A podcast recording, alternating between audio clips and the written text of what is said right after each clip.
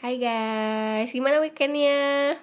Jadi hari ini gue tuh lagi punya tamu spesial yang akan ngobrol bareng gue untuk membahas tentang relationship, relationship relationship dengan seorang alpha female.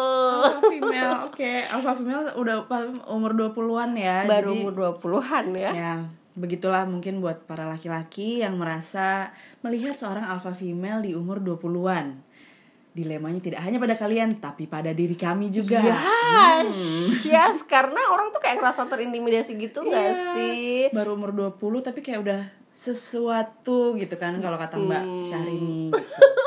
Hashtag Lady Boss. Lady Boss Lady Boss. So welcome back to my podcast Curhat 20-an with Mega Agnesti dan tamu gue hari ini namanya coba kenalan dulu Tan. Hai guys, ya biar kayak artis gitu kan.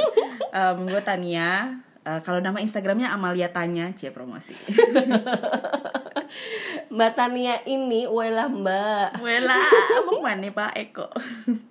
Jadi Tania ini salah satu temen gue yang secara profesi ya Tan bisa dibilang lumayan oke lah ya bukan lumayan lagi oke banget posisinya Alhamdulillah. Ha-ha, dan sering nggak sih kedengeran eh, kedengeran apa sering sering dengar nggak sih kalian mengenai apa tuh Tan yang kayak eh, think like a man but look like a lady apa sih Oh iya, eh, think like a man, ya but act, eh, look Act like, like- a lady, lady. Uh, act like act a like lady. lady. Nah kebanyakan tuh lady boss tuh tipe-tipenya kayak gitu ya Hmm. jadi kayak kita beneran mikirnya tuh kayak cowok Logis, straightforward, nggak kebanyakan drama gitu kan. tegas Walaupun dalam-dalamnya tapi act like a lady yang act beneran like a lady tetap harus. nggak palsu sih apa ya tan kita tuh manis Elegan gitu kan. tapi rapuh dia. Kalau perumpamaan tuh kayak kerupuk gitu kan. Kalau dilihat dari luar keras begitu diguyur air uh, langsung krenyes krenyes ibu ngomong curhat mulu nih ya bu ya. So em, jadi biasanya nih Tania itu ya sama lah kayak kita cewek-cewek yang di umur 20-an tuh udah di karir dibilang sukses tapi kita juga kadang nggak merasakan hal yang seperti itu. Ya kan karena itu cuma titel apa apalah ada sebuah title gitu Iya, kan.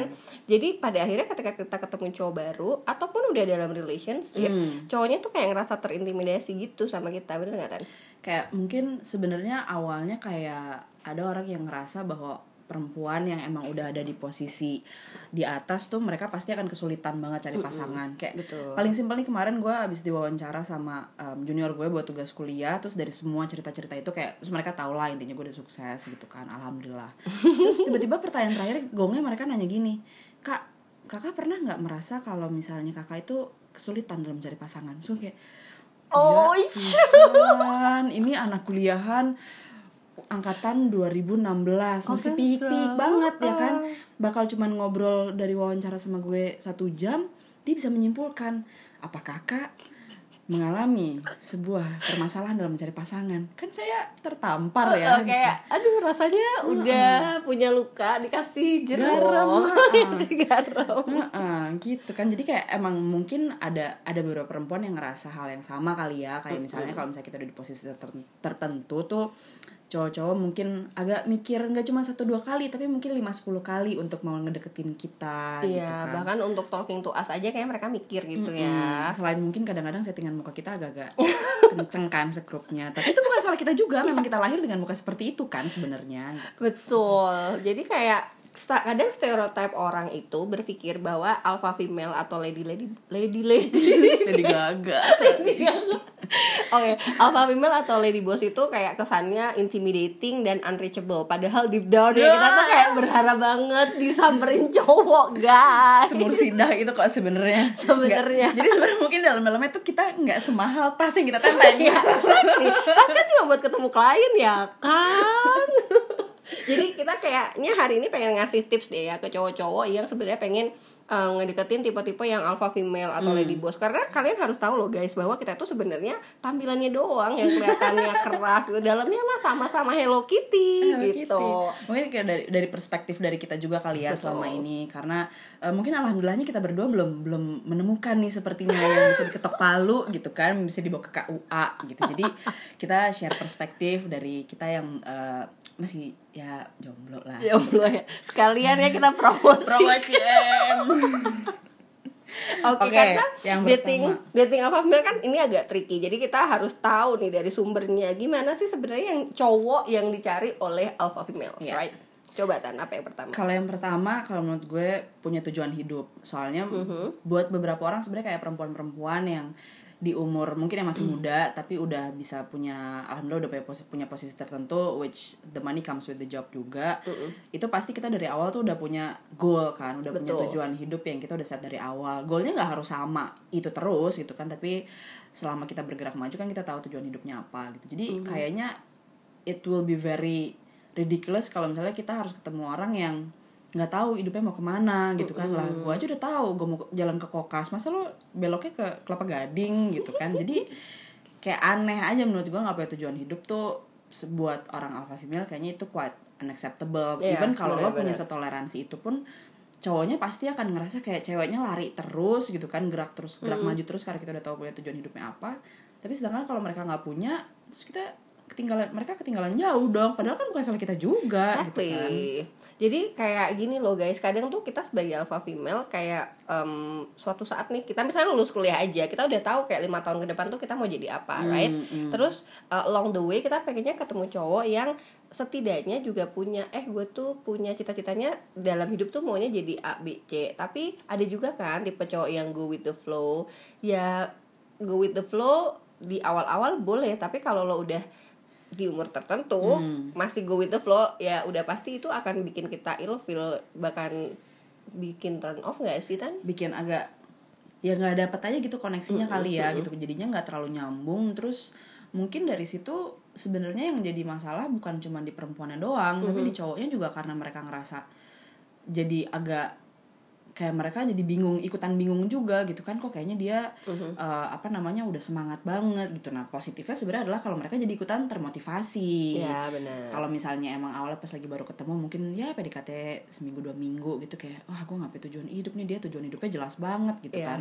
Tapi dia jadi termotivasi atau mungkin malah bisa terinspirasi sama apa yang ceweknya lakuin kita alpha female pun akan dengan sangat terbuka lapang dada untuk mendukung apa yang kalian Exactly. inginkan kan? Gitu. Nggak bakal kayak ah lu baru kemarin sore nyobain ya udah baik laga gitu. Iya. nggak bakal gitu juga. Kita memang luarnya kelihatannya galak tapi dalamnya enggak kok gitu. Yang Jadi- ada kita malah support malah ya. support banget sebenarnya gitu. Jadi ya itu emang emang kayaknya apa ya proses di awal yang mungkin kita harus sama-sama tahu. Karena kalau misalnya cowoknya ngerasa ya gue lempeng-lempeng aja juga nggak apa-apa lah. Lama-lama ceweknya kayak ngerasa apa gue harus step back tapi kalau step back kok gue malah sacrificing a lot of thing in my life. A lot of things gitu. Jadi ya jadinya kan maju mundur maju mundur akhirnya nggak maju maju nggak sampai ke UA stuck ya gitu Ah, ah, kan. aja di situ kayak jalanan macet gitu kan. Kalau gue tuh belum pernah sih tan ngedit sama cowok yang nggak punya tujuan hidup karena nggak tahu kenapa ya mungkin karena selama ini kayak padahal ya seumuran baru sekali doang yang ngedit sama lebih tua kan. Cuman semua orang yang ada dalam hidup gue kayak udah tahu gitu goalsnya apa.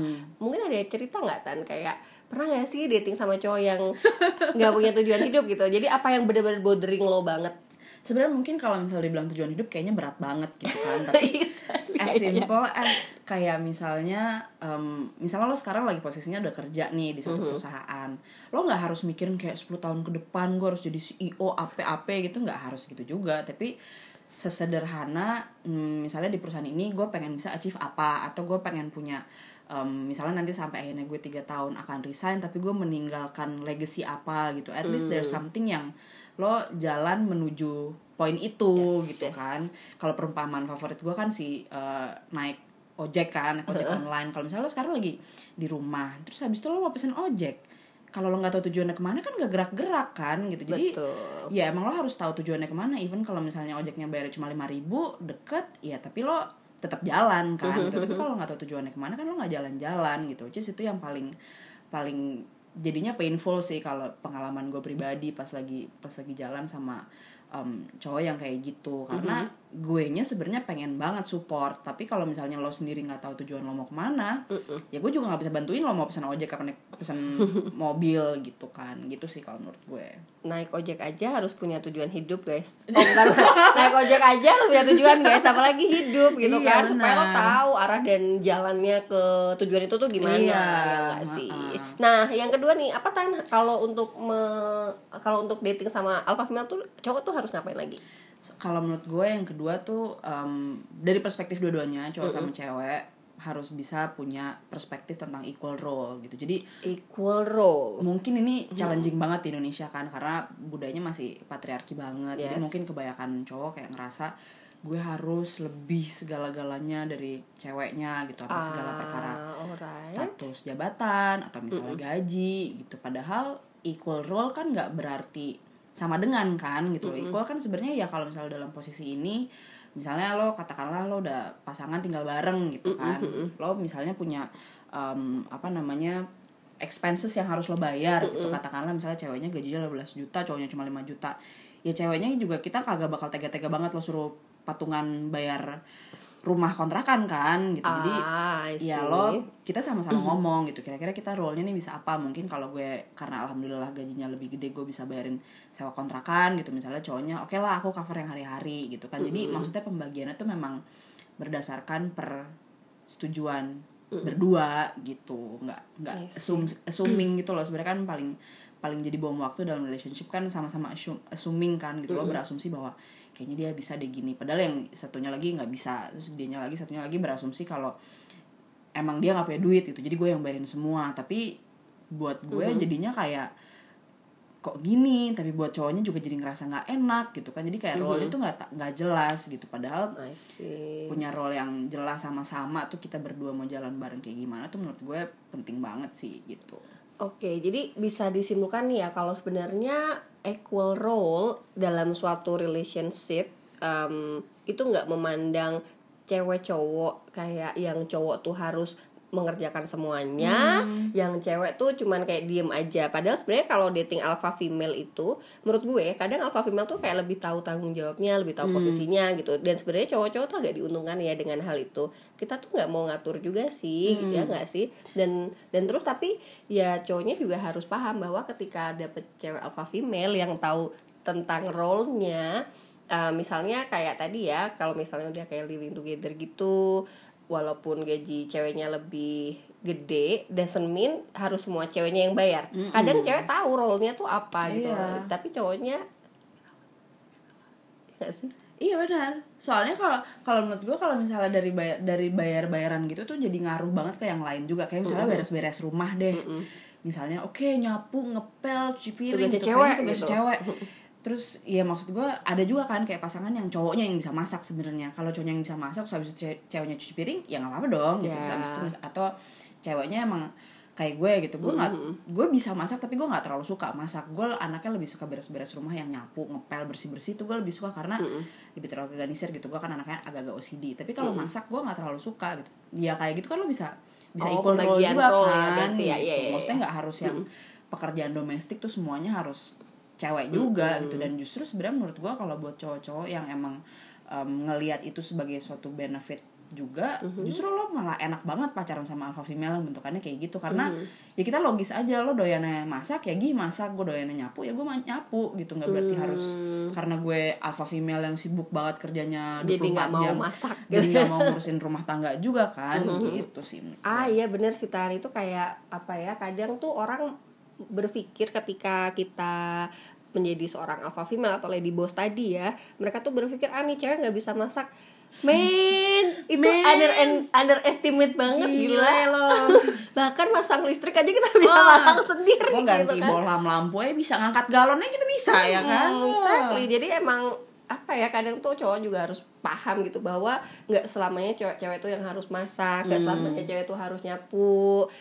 Dan kita tuh mau kok ngelakuin hal-hal kayak gitu asal komunikasinya bener Iya, aja. nah itu nggak ya kan? nyambung berarti sama poin yang selanjutnya Apa tuh Tan? inisiatif cenah Oke. Inisiatif. Yes, yes, yes. kalau menurut lo gimana inisiatif inisiatif kalau gue tuh misalkan ya kayak inisiatif beda sama kode ya. ini PR nih inisiatif sama kode inisiatif beda sama kode. Um, well, inisiatif tuh kalau misalnya nih lagi mau makan gitu kan. Hmm. Eh si- as simple as nentuin tempat sih sebenarnya. nentuin Ya nggak oh, sih? perkara banget nentuin tempat kamu makan di mana terserah kamu kamu lagi pengen apa terserah kamu ah besok pagi nggak makan makan Kadang sebagai alpha female tuh kita udah tahu gitu eh, apa namanya gue maunya makan di tempat A. tapi kadang eh, sebagai cewek kita juga males mikir. Maksudnya gue udah di kantor tuh mikirnya dalam hal kayak gini kan mau Iya, nggak usah iya. mikir. Jadi kadang gue kayak nanya gitu lo mau makan apa? Jawab aja nyet kayak gitu kan. Oh mau Japanese food. Terus ya udah lo kan palingnya udah ada inisiatif Japanese food. Jadi kayak gue tinggal nyari restorannya oke bisa bisa makan di tempat A B C pilihannya mana. Dan lo tinggal jawab gak usah kayak serah kamu aja. Kamu lagi pengen apa? Kamu lagi ngidam apa? Lo Oh. kata. Jadi menurut gue inisiatif as simple as that. Kalau menurut lo gimana? Kalau gue sebenarnya inisiatif tuh jadinya berpengaruh sama banyak banget ya. Kayak Mhm. misalnya em, kita bilang nih kita lagi ada lagi ada situasi kenapa lah misalnya di kantor gitu kan. Even kita alpha female yang kayaknya kelihatannya tough banget dari luar Mhm. tapi justru sebenarnya dengan ada yang digandeng ya kan itu kayak jadi pegangan juga sih. Mhm. kalau misal soalnya kalau menurut gue kayak em, misalnya kita lagi ada sesuatu di kantor terus em, kita cerita terus tapi kayak lanjutannya kayak oh gitu. Kan kesel kan ZBL gitu kan kayak even inisiatif untuk ngerespon sesuatu yang sebenarnya dari perspektif mereka tuh itu dibutuhkan gitu. Jadi dari hal yang sekecil itu kan padahal itu cuma perkara komunikasi kan. Gitu. jadi inisiatif untuk melakukan komunikasi-komunikasi yang sebenarnya bisa memperjelas hubungan sehari-hari gitu. Kayak tadi sebenarnya balik balik sempat em, apa komunikasi. mention yang tentang komunikasi dan duit tadi gitu kan. Itu juga sebenarnya bisa inisiatif dari cowoknya kan gitu loh. Jadi kita sebagai alpha female pun walaupun kita mencoba men champion gender equality juga tapi kalau misalnya kita ingin inisiatif ngomongin duit baper nggak tuh cowok-cowok? Oh, ya iya, kan? betul. jadi sensitif ya Bu. ah, jadi hal-hal yang sensitif kan. Sebenarnya kita sih nggak apa-apa fine fine aja. Cuman kita sebagai alpha female pun pasti mencoba menjaga perasaan lah gitu kan. Nah yang mana yang kayak gitu-gitu kan harus inisiatif dari lakinya. Kalau kita yang bahas lagi duluan ntar makin dibilang agresif makin PR ya kan jadi makin intimidating makin intimidating jadinya Oh oke jadi inisiatif itu em, kadang tuh gini ya cewek udah ngasih inisiatif tapi kadang cowoknya pun kayak ngerasa ini gak sih terintimidasi gak sih dengan Iya, dengan inisiatif, inisiatif dari cewek? kita ya gitu. Uh-uh. Iya bisa juga sih sebenarnya kayak gitu tuh. Gue kalau gue pribadi pernah ngalamin itu tapi gue mungkin kalau di saat itu gue mengakui kesalahan gue adalah mungkin memang kita tidak terlalu berkomunikasi dengan baik Mhm, gitu. Jadi ya kayak yang tadi gue bilang kayak kita sama-sama ber- berasumsi kayak gue berasumsi lo suatu hari akan ngajak ngobrol gue tentang ini gitu. Tapi gue nunggu nungguin lo kagak ngajak ngobrol ngajak ngobrol gitu kan. Mhm. mungkin dia juga berasumsi kalau gue fine fine aja. Padahal itu sebenarnya asumsi yang karena Ah, dua-duanya nggak ada inisiatif oke. gitu kan. Sementara gue takut kalau gue inisiatif ntar takut dia baper. Dia nggak ada inisiatif mungkin karena gue dia pikir gue fine fine aja gitu. Jadi kayak inisiatifnya nggak ada ya gone aja gitu. Terbang Oke. bersama angin lalu. Bisa dibilang ini ada kaitan sama financial thing gak sih Tan? Iya sih mungkin itu itu yang sebenarnya itu paling sensitif banget kan. Banget banget Kalau- banget. kalau kata mantan gue lah. Ada tiga hal tapi gue lupa satu lagi apa. Ada tiga hal yang kalau pasangan itu bisa ngomongin kayak most likely selain dari karakternya kayak komunikasi itu pasti bisa berjalan lancar yaitu komunikasi tentang perkara duit sama seks. Karena itu dua hal yang sebenarnya sensitif banget kan kayak ekspektasi dari masing-masing. Kayak kalau lo udah bisa ngomongin buka-bukaan lah misalnya memang lo status eh apa mm, pacarannya udah sampai seserius itu lo buka-bukaan kayak gaji gue segini gaji gue segini expense gue segini mungkin yang salah satunya masih ada yang cover orang tuanya juga gitu masih ngirimin duit ke orang tua atau masih cover adiknya mungkin sekolah atau apalah gitu-gitu ya kita bisa sebenarnya bisa omongin gitu. Kalau misalnya memang hari-hari akhirnya kita jadi harus bayar sendiri-sendiri ya nggak pernah jadi masalah juga buat kita kan sebenarnya gitu. Mm-mm. paling nggak jadi ada komunikasi ya. Eh, tapi ngomongin inisiatif nih tan waktu itu kadang juga gue pernah apa namanya diajak ngobrol sama mantan gue gitu kan tentang ngomongin duit gitu. Sebenarnya kalau ngomongin duit sama alpha female antara kita itu mau jujur atau enggak? Kadang kan gak Nah. enak juga ya kalau misalnya udah jabatan kita yang lebih tinggi daripada si cowok tapi terus ngomongin gaji. Nah, kalau kita sendiri yang memulai pasti kan nggak enak. Tapi harusnya dari cowok tuh juga udah mulai bisa kalau misalnya dalam in a serious atau committed relationship dan kalian udah mau ke jenjang selanjutnya, mau nggak mau sih emang harus buka-bukaan gitu kan. Jadi kadang pun dalam sexual things ya kalau misalnya ngomongin inisiatif kita juga sebenarnya nggak dominan in bed loh guys. Hello. Kita inisiatifnya pakai kode aja kalau itu sih. Jadi kadang ya, kadang ada some person. Jadi kayak di podcast kemarin tuh kan gue ngebahas bahwa eh, komunikasi seksual dalam relationship itu juga penting banget gitu. Bahkan ada orang yang selingkuh karena dia nggak bisa berinisiatif atau berinisiasi ngomongin soal eh, seks sama pasangannya. Hmm. dan alpha female itu terbuka banget sih mau ngomongin apa pun kita Iya. tuh terbuka banget. Tapi kadang kita juga harus nunggu cowoknya dulu untuk Iya. ngomong. Kayak istilahnya gini lah mau mau soal perkawinan nih ya. Walaupun kita soal alpha female apa pun ya kagak mungkin lah kita yang ngomong will you marry me? gitu ya. Of course kita tetap nunggu inisiatif dari cowok. Jadi menurut gue ya emang kalau cowok yang punya inisiatif itu pasti akan bikin kita turn on banget sih. Enggak sih soalnya kalau menurut gue kayak alpha female gue nggak tahu sih mungkin di negara lain atau maksudnya di negara em, yang belahan timur dunia lah gitu ya. Tapi mungkin kalau gue rasa even alpha female di Indonesia tuh masih sangat em, apa ya ngelihat cowok tuh sebagai pa- maksudnya pasangan tuh sebagai orang yang harus di respect gitu. Jadi makanya kayak kalau misalnya ngomongin duit atau ngomongin seks gitu kenapa nggak kita yang punya inisiatif duluan? Karena sebenarnya in way kita mencoba menjaga perasaan mereka juga kan gitu. walaupun kita alpha female itu di kantor mungkin bisa nyerocos nyemprotin orang-orang. Tapi kalau udah masalah kayak gitu kita juga tahu ini personal relationship bu- dan kita nggak bisa implementasi kayak kita berkomunikasi sama orang lain di kantor gitu. Jadi Betul. kombinasinya tuh sebenarnya alpha female mungkin most most of the time atau yang sering gue lihat at least di industri gue kayaknya kebanyakan alpha female di Indonesia tuh sebenarnya masih masih respect banget sama perempuan. Banget selama eh sama la- suami sama laki, sama laki sama pasangan sama ya. laki sama pasangan. Selama suaminya suami atau pasangannya pun juga melakukan hal yang apa ya sama ya inpar lah Hmm. gitu jadi jangan mereka juga jangan look down on on themselves juga kalau misalnya Iya. lo sendiri aja ngeliat diri lo rendah ya gimana orang lain Iya, kan iya, gitu. iya. Kadang yang membuat cowok ngerasa terintimidasi sama alpha female karena dia tuh juga ngerasa ya itu tadi ya dalam tanda petik dirinya rendah. Padahal Hmm. kita tuh selalu melihat bahwa kita tuh sama loh men kayak itu tadi balik ke role ya, balik ke equal role bahwa di luar kantor kita tuh makhluk yang stratanya sama. Iya. Bahkan karena lo laki dan gue perempuan ya kita tetap mau nggak mau karena kita tulang rusuk ya Hmm, tulang rusuknya. Jadi kita ya selalu menghargai mereka sebagaimana role-nya mereka gitu. Iya jadi emang selama kita bisa define role masing-masing ya kenapa kita nggak bisa nggak bisa respect satu sama lain kan gitu. Oke nah kadang pun cowok-cowok nih suka ngerasa uh, terintimidasi atau insecure. Karena kadang mereka berpikir wah alpha female ini gak bisa nurut nih kalau sama cowok. Gitu gak sih?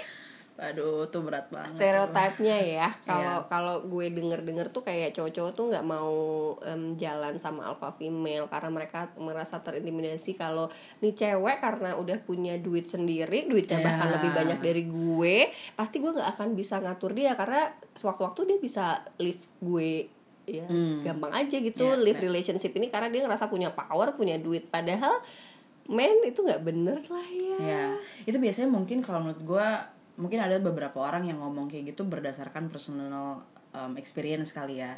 Kal- Jadi kalau kalau gue ada satu mantan gue memang yang waktu itu bilang kayak gitu. Jadi karena uh, mantan gue ini kebetulan udah waktu itu pas lagi pacar sama gue dia habis divorce sama mantan istrinya yang mana mantan istrinya keluarganya kaya raya banget gitu. Jadi kayak Hmm, pada saat itu memang gaji gue mungkin sekitar dua kali lipat lah dari dia gitu. Dan dia tahu gitu kan memang karena kita dari awal buka buka bukaan tentang gaji.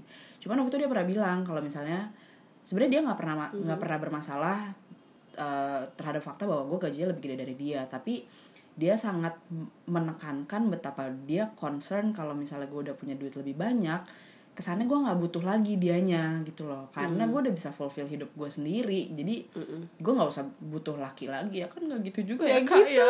gila kan kita butuh cowok untuk take care perasaan kita take care kita sendiri take care segala hal-hal yang apa ya yang lebih imaterial lah ya. Iya sih, karena sebenarnya menurut gua kalau misalnya kalau misalnya cowok ngelihat cuman karena kita punya duit lebih banyak terus jadi nggak butuh cowok itu salah banget sih. salah banget salah itu salah banget banget. You guys are totally wrong, man. ya berarti intinya tips berikutnya adalah jangan pernah ngerasa insecure ya kalau jalan sama alpha female karena itu tadi kita balik lagi ke role kita tuh kayak sadar bahwa kita tuh harus sama-sama menghormati pasangan kita jadi walaupun misalnya gaji lo lebih rendah daripada gajinya kita em, ya nggak nggak ada permasalahan juga kecuali apa ya kecuali misalnya ada cowok yang kadang brengsek juga ya Tan ya. Misalnya dia udah tahu nih dia gajinya lebih rendah daripada kita terus tapi nggak ada niatan dalam diri mereka untuk kemajuan karir atau nggak ada niatan dari mereka untuk gimana caranya supaya gue tetap bisa mm, menghidupi itu apa ya? At least untuk bisa menghidupi dirinya sendiri yes kali ya. yes yes betul ya betul kan? Betul. lo lo gak usah mikirin ngehidupin kita dulu deh ngehidupin lo diri lo sendiri aja nggak apa-apa gitu. Karena mungkin yang kalau tadi dibilang kayak mantan gue bilang apa namanya ceweknya jadi bisa ngurusin hidupnya sendiri in a way benar. Karena emang kita bisa sampai ada di posisi ini kan kita nggak kibas rambut doang kan? Emang ada usahanya sampai kita pada pada posisi di mana kita punya duit ya bisa dibilang segitulah mungkin lebih dari rata-rata tapi kan bukan berarti terus mereka juga bisa semena-mena kayak kasarannya hidup kita berdua dibiayain kita doang gitu. Kecuali kalau memang dari awal udah udah deal kayak gitu memang most expense-nya di cover sama ceweknya that's fine juga kalau emang ceweknya nggak apa-apa gitu selama bukan jadi manfaatin ya gitu. Iya betul betul karena money itu tidak sama dengan power. Eh, benar dalam dalam relationship dalam rumah tangga tetap powernya pun sama. Jadi ketika lo nggak punya duit dasar lo nggak punya power lo. Iya, sebenarnya kalau menurut gue mungkin em, karena dari awalnya kita juga em, apa namanya menghargai role-nya masing-masing, kayak kita discuss bareng gitu. Jadi akhirnya power itu sebenarnya ada the power lies within the communication juga kan gitu. Karena lo udah sama-sama ngerti role satu sama lain, lo bisa berdiskusi secara terbuka ya di situlah gitu powernya gitu. Jadi menurut gue sih nggak ada power siapa lebih gede atau dari siapa gitu sih. Gitu guys. Jadi duit itu bukan permasalahan dalam alpha female dan lo nggak usah insecure kalau soal duit right? benar, benar. karena kita tuh lebih butuh cinta. Jadi nggak usah insecure kalau misalnya kita tiba-tiba beli sepatu harganya 2 juta gitu kan. Mungkin karena we earn the effing money gitu Iya. kan. Jadi ya ya we can spend some some of it gitu. Bukan karena kita punya duit terus lo gajinya lebih rendah terus kayak kita juga jadi nggak boleh belanja kan Iya, gitu loh maksud gue betul, kayak betul, betul. ntar juga kalau lo punya gaji 50 juta lo mau tiba-tiba beli mobil juga suka-suka lo gitu gue gak bakal ngatur-ngatur Iya kan kita sebagai alpha female atau lady boss itu tadi ya kita kayak udah bekerja keras untuk sampai di posisi ini kita Hmm. beli sesuatu itu juga untuk reward diri kita dan Iya. masa gue karena gue harus udah merasa- bersalah harus merasa bersalah sih karena hal Iya. ini suka aneh gitu kan kalau ada cowok yang insecure gara-gara Iya. sepatu atau tas kita lebih mahal daripada bajunya dia like man seriously Oke, nah selanjutnya ini kelihatan apa Hmm. namanya? Kalau gue tuh permasalahannya hidupnya seringnya ketemu cowok kayak gini tan. Jadi misalkan gue di umur yang masih 20-an terus Hmm. sudah mencapai level tertentu di perusahaan. Nah, cowok yang ngedeketin gue tuh udah lima tahun kerja tapi tetap jadi staff. Jadi kan ada level gap nih ya. Hmm. Iya, iya. Nah, kadang gue tuh agak sedikit nggak nyambung bukan gak nyambung agak turn off ketika ngomongin masalah pekerjaan kayak dia curhat ke gue tentang bosnya Hmm. which is bosnya itu levelnya di kantor hampir sama kayak gue lah ya kalau di Hmm. industri yang sama terus kayak hah iya iyalah bos lo kan ngelakuin hal itu karena emang that's the right thing to do terus Hmm. pada akhirnya kayak dia ngerasa ya lu kan bos makanya lu bisa ngomong kayak gitu seharusnya tuh bos nggak gitu tau lah tiba-tiba tuh jadi Malah jadi masalah gitu level gap disalahin ini kitanya. Mm-mm. kalau lo gimana tan kalau menurut gue sebenarnya itu karena baru-baru ini alhamdulillah nih ceritanya kan gue baru baru sempat ngobrol sama cowok yang ngejelasin tentang em, gimana perspektif cowok tentang eh, perbedaan level kalau lagi di kantor gitu. Karena dia sendiri sebenarnya bukan tipe yang kantor gitu. Jadi kalau menurut dia sebenarnya yang paling penting adalah open minded sih. Jadi si cowoknya ini kalau misalnya memang dari awal kan lo pasti pas lagi ngedeketin udah tau lah kalau ceweknya posisinya mungkin ada pada satu posisi tertentu gitu. Tapi pas lagi lo udah mulai ngobrolin hal-hal yang mungkin agak nyerempet-nyerempet kerjaan gitu kan nggak harus literally tentang kerjaan lo hari-hari mungkin cowoknya kayak ngerasa lah kenapa jadi lo perspektifnya kayak perspektif bos gua? Ya permisi nih mas. Kita kan memang posisinya udah di situ gitu kan. Jadi kita bisa bisa kepikiran lah perspektif kayak gitu. Bukan berarti kita jadi ngajarin juga tapi kalau misalnya kayak tadi lo cowoknya komplain gitu kenapa sih bos gue gini gini gini? Dia tuh suka ngasih kerjaan yang gini gini gini.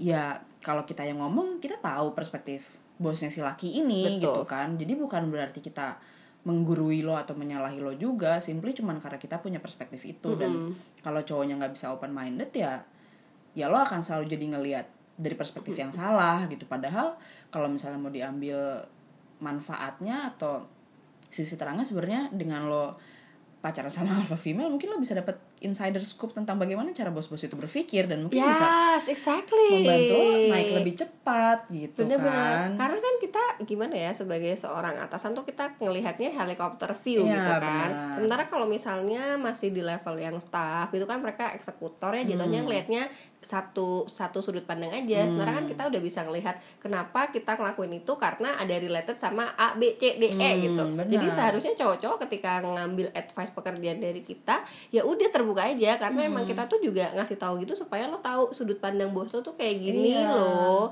instead of nge, bukan dia ngebelain bos tapi kayak kita kasih tahu aja nggak sih justru kalau misalnya karena misalnya mereka curhat ke kita gitu terus kita bisa ngasih lihat perspektif bosnya tapi kita juga ngerti posisi si cowok ini.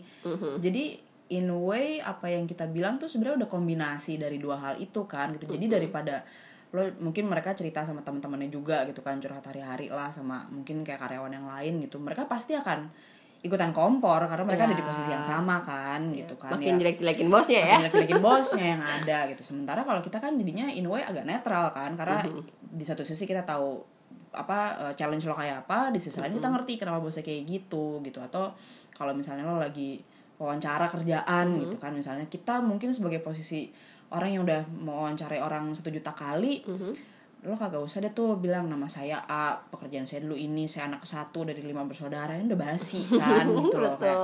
Jadi hal-hal yang sebenarnya kita kasih tahu tuh bukan karena menggurui, simply cuman karena kita punya experience lebih Yes, mungkin yes. alhamdulillahnya gitu. harusnya bisa taking advantage ya dari posisinya Hmm. kita uh, kalau misalnya kalian dating sama female alpha female tadi Hmm. kalian justru bisa taking advantage dari posisinya kita dengan ngelihat oh perspektifnya uh, seorang atasan tuh kayak gitu Hmm. jadi pada akhirnya kalian juga bisa berpikir lebih luas lagi Hmm. gitu ya Dianggap lebih positif aja sih kali ya gitu. Mm. Jadi sebenarnya cewek-cewek alpha female ini nggak mengintimidasi ya, Tan? Cuman Enggak, gimana uh-uh. caranya ngomong ke mereka aja nggak sih? Sebenarnya kalau menurut gue kenapa orang ngeliat intimidasi pertama satu dari penampilan kali ya, Ya, gitu kan. betul. Ya kan kalau udah posisinya di atas masa kita penampilannya gitu-gitu aja ya kan. Segembel Kak? ya. Terus agak bisa kibas rambut cetak-cetok heels tinggi, tasnya agak ditenteng gitu kan. Ember. in a way kan itu sebenarnya demand dari posisi juga kan ya semua orang juga bisa lihat lah maksudnya semakin tinggi posisinya pasti ada penampilan yang harus diiniin tapi sebenarnya yang paling simpel tuh cuma komunikasi sih Betul. justru sebenarnya berkomunikasi sama alpha female itu adalah makhluk paling logis di antara Ya, perempuan-perempuan lainnya nggak drama. Karena kita udah capek drama di kantor Iya. nggak sih? As- sebenarnya dan mungkin yang kalau gue ngeliatnya kayak beberapa alpha female kayak eh, bos-bos gue yang dulu atau bos gue di kantor yang sekarang juga ada beberapa cewek yang posisinya alpha female gitu. Mereka masih ada dramanya cewek ya itu mah udah udah bawaan lahir lah kan gitu. Tapi dalam perkara relationship justru mereka jadi lebih straightforward gitu loh. Karena menurut mereka alpha female tuh efektif dan efisien banget kan sebenarnya. Kayak lo doyan ayo gitu kita lanjutin nih ke mana apa yang harus kita lakukan stepnya satu dua tiga. Lo maunya gimana gue maunya gimana oke kompromisnya di tengah sini apa satu dua tiga gitu kan. Jadi yang penting selama kita bisa komunikasi tapi balik lagi kayak yang tadi kita bilang kita pun komunikasi juga pasti akan hati-hati karena ada beberapa hal yang cowok pasti sensitif banget kalau kita komunikasi duluan gitu. Kadang kalau alpha female because they know what they exactly want in Ah, life, jadi lebih straight to the ah, point ah, gitu banget. kan. Iya, iya, Dan jangan kaget kalau misalnya kalian di Sama alpha female, terus kayak mereka yang asking you out, like kita nggak agresif guys, cuman simply nggak mau wasting time aja. Iya. Sebenarnya even kalau buat kayak kita yang maju duluan, gue pun sampai sekarang masih merasa agak challenge sih sebenarnya karena mungkin kalau gue karena di satu sisi gue udah alpha female banget di kantor kayak pas lagi sama laki itu kayak gue mau jadi udah biasa aja Nah, iya iya iya. Kadang ini yang suka cowok nggak tahu ya tentang Ah. alpha female gitu. The truth is, sebenarnya kita tuh di kantor udah capek sih untuk Ah. take care everything, take care tim, take care kerjaan, take care deadline. Pas kembali ke relationship kita maunya kita yang di take care sih? Jadi curhat, tapi emang curhatan loh guys ini guys. Jadi kadang kita di relationship tuh kita udah nggak mau mikir lo yang ngatur gue aja deh, ya nggak sih? Iya, even kayak misalnya sesimpel kan biasanya cowok tuh kalau lagi PDKT suka nanyain kamu lagi di mana, udah makan belum? Tuh guys, Yes. kalau awak cewek alpha female begitu lo mengeluarkan kata-kata itu langsung bubar pemirsa. Goodbye. Bye, you will never ever hear from me ever again. Kenapa? Karena sesimpel as gila ya. Kita nih kayak misalnya lo kerja udah berapa tahun berarti? tujuh delapan lah ya. Ya, kurang lebih sama berarti gue tujuh, tu- tujuh tahunan lah. Kita udah kerja tujuh tahun dan dalam waktu tujuh tahun ini kita udah sampai posisi yang kayak mungkin di lebih dari rata-rata orang. Terus lo nanyain gue, gue udah makan apa belum gitu kan? Kayak Men, lo gak ada pertanyaan yang lebih lebih berguna gitu kan Yes. Walaupun di satu sisi kita sebagai alpha female memang suka lupa makan Iya, ya kan? Tetap bener. suka lupa makan Tapi nggak mau lagi. ditanya ya komunikasinya gimana gitu kan kayak nggak usah nanyain setiap hari tiga kali sehari lo nanyain udah makan apa belum kayak kalau gue nih paling kena nih cuma tanyain gini kamu kalau nggak makan asam lambungnya naik lagi. Ya saya akan makan. Siap gerak pak. Gitu. Jadi maksudnya ya pasti se- setiap cewek beda-beda lah. Tapi maksud gue kalau misalnya alpha female lo nggak usah being ridiculously dramatic gitulah gitu. Karena ya lebay abis itu. Lebay Bukannya, abis jangan lupa gitu. makan ya like. Atau misalnya kayak even kayak alpha female ditanyain kamu pulang jam berapa? Hello. Oh ngomong-ngomong soal pulang jam berapa dan gue tuh kayak beberapa waktu yang lalu ya suka balesin whatsappnya orang-orang kan lama gitu. Kadang cowok juga baper kok kamu balesnya lama? Hah? Hello. Anda- kerjaan gue banyak mohon maaf. Anda mau lihat ini chat yang belum dibalas ada seberapa banyak? Betul. makanya terus suatu saat nih Tan, ada satu cowok yang em, gue cerita such a busy week gitu kan. Hmm. terus dan dia tuh malam itu cuma balas gini doang oh lo pasti udah capek banget Uh, you better get some sleep atau Hmm. rest well terus gue tuh kayak rasanya shit man this is that kind of person yang gue butuh gitu nggak Hmm. nggak butuh drama kayak gue bilang gue uh, punya apa namanya kerjaan yang sibuk banget Hmm. instead of dia komplain dia kayak malah nyuruh gue istirahat Iya, jadi kayak ah sweet ya gue sampai Iya. kayak bilang ke dia gila gue udah jarang banget nih diingetin yang seperti ini Hmm. biasanya orang tuh komplain kalau gue busy gitu kan terus ya itu tadi komunikasi ya satu hal Iya. kecil yang menyentuh. Sebenarnya apa ya?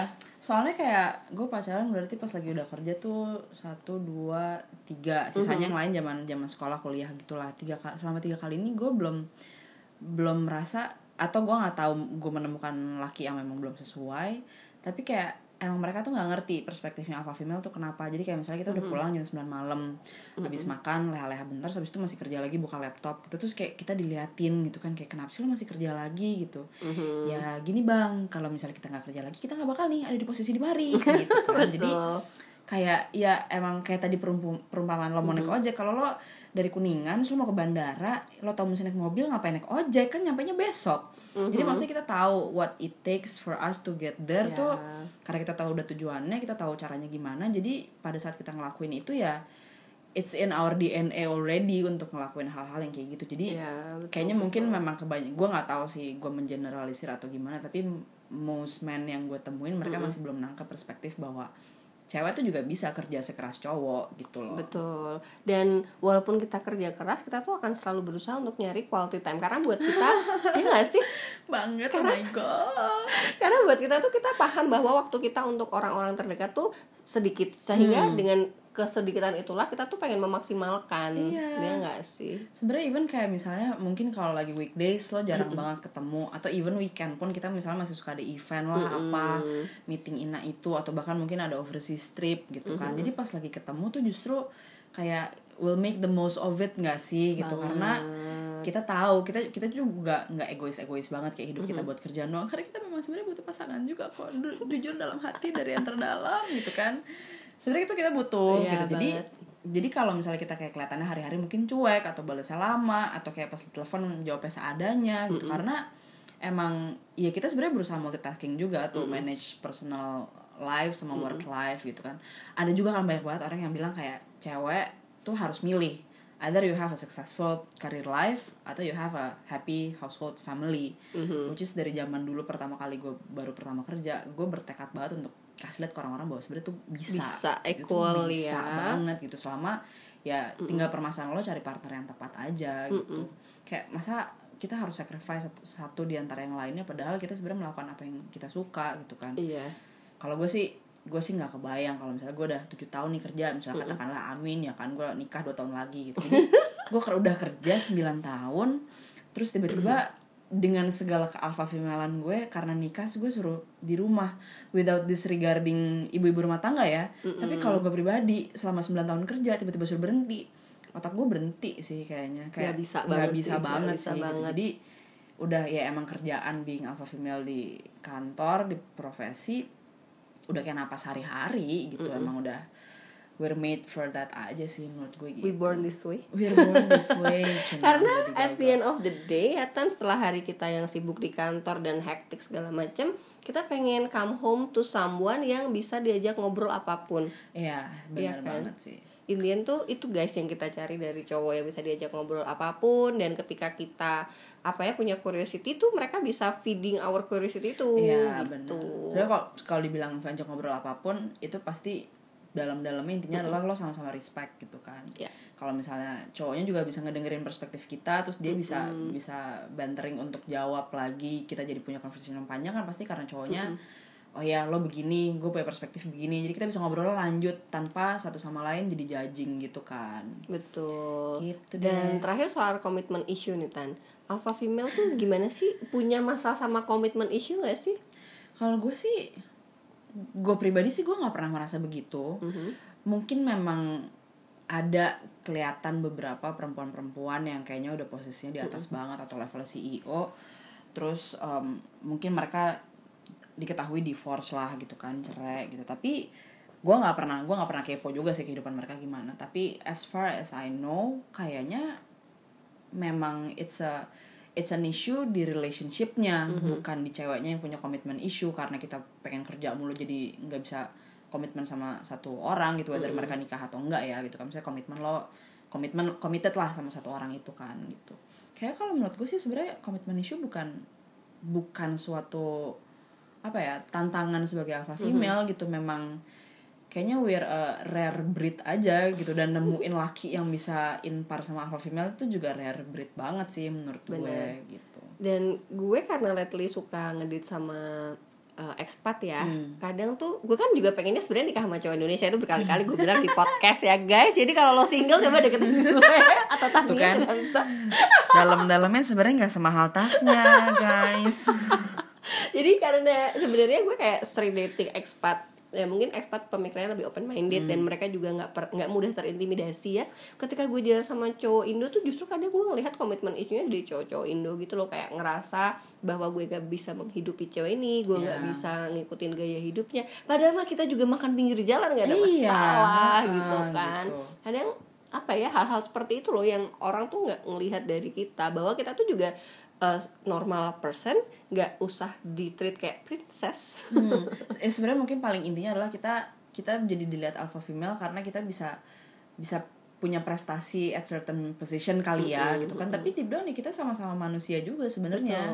Biar kata gaji lo 100 juta sebulan tapi kan bukan berarti lo nggak mau makan nasi uduk di pinggir jalan Itu kan. enak banget kan enak banget ya itu kan salah satu kenikmatan duniawi kan gitu. Jadi ya mungkin yang paling penting buat diingat adalah alpha female itu mostly tentang kerjaan.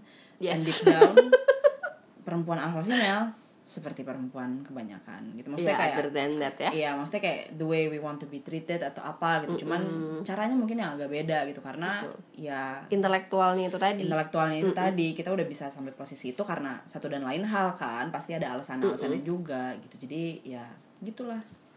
Oke, jadi kalau dari obrolan kita nih tadi ya Tan, sebenarnya apa sih yang bisa kita simpulkan um, how to date alpha female? Sebenarnya kan komunikasi nih ya, jadi Nah. enaknya nih gimana sih ketika ada cowok yang udah ngedate sama alpha female dan kayaknya mereka masih merasa ada kesulitan komunikasi. Apa sih saran lo? Sebenarnya kalau misalnya ini kasusnya cowoknya udah udah udah udah mulai deketin lah ya gitu. Jadi nggak baru-baru banget. Terus lo merasa kalau misalnya ceweknya nih kayaknya alpha female banget, intimidating, gajinya gede, nggak bisa diatur gitu. Sebenarnya kalau saran gue buat cowok-cowok adalah lo lihat lagi ke dalam diri lo sendiri gitu. Maksudnya lo memang tipe cowok yang bisa bisa merasa diri lo sendiri impar sama ceweknya atau enggak karena kalau misalnya lo sendiri memang nggak bisa merasa merasa lo jadi equal partner ya mendingan lo back off aja gitu loh. Ini Yes. bukan dalam perspektif kayak terus kita nggak mau sama lo gitu. Nggak juga gitu. Maksudnya it starts from you gitu. Everything starts from yourself gitu. Kalau misalnya lo sendiri nggak bisa ngelihat perspektif lo nggak punya perspektif bahwa diri lo bisa jadi equal partner itu akan jadi painful buat dua-duanya gitu. Jadi even dari sebelum mungkin karena kadang-kadang alpha female suka agak em, rapuh juga kan. Kita kayak bilang nggak apa-apa lah gini gitu gitu. Selama lo masih bisa take care hidup lo sendiri gitu lo nggak perlu ngidupin gue atau apa gitu. Tapi itu menurut gue sebenarnya jadi bom waktu kalau misalnya cowoknya memang cowoknya sendiri nggak bisa ngelihat potensi dia di potensi diri dia sendiri gitu. Kalau menurut gue sih itu udah udah apa ya akarnya banget lah gitu. Bahwa lo harus lo harus lihat lagi memang lo bisa jadi co partner dia atau enggak gitu. Iya. bisa jadi ya bukan harus udah jadi gitu. Bisa jadi Bisa ya jadi. untuk jadi equal partner itu artinya kita tuh sebagai alpha female nggak pernah ngeributin soal duit jabatan. Hmm, nggak pernah. Kalau kalau gue sih nggak pernah ya. Gue juga nggak pernah sih. Cuman ya itu tadi ya guys dari kayak cara ngobrolnya dari lo treat kita um, as simple as this sih. Gue tuh kayak pernah punya cowok yang susah banget gue lupain kan. Hanya karena hal simple kayak uh, bukain pintu. Terus udah gitu pas waktu makan dia tuh ngambilin makanan gue.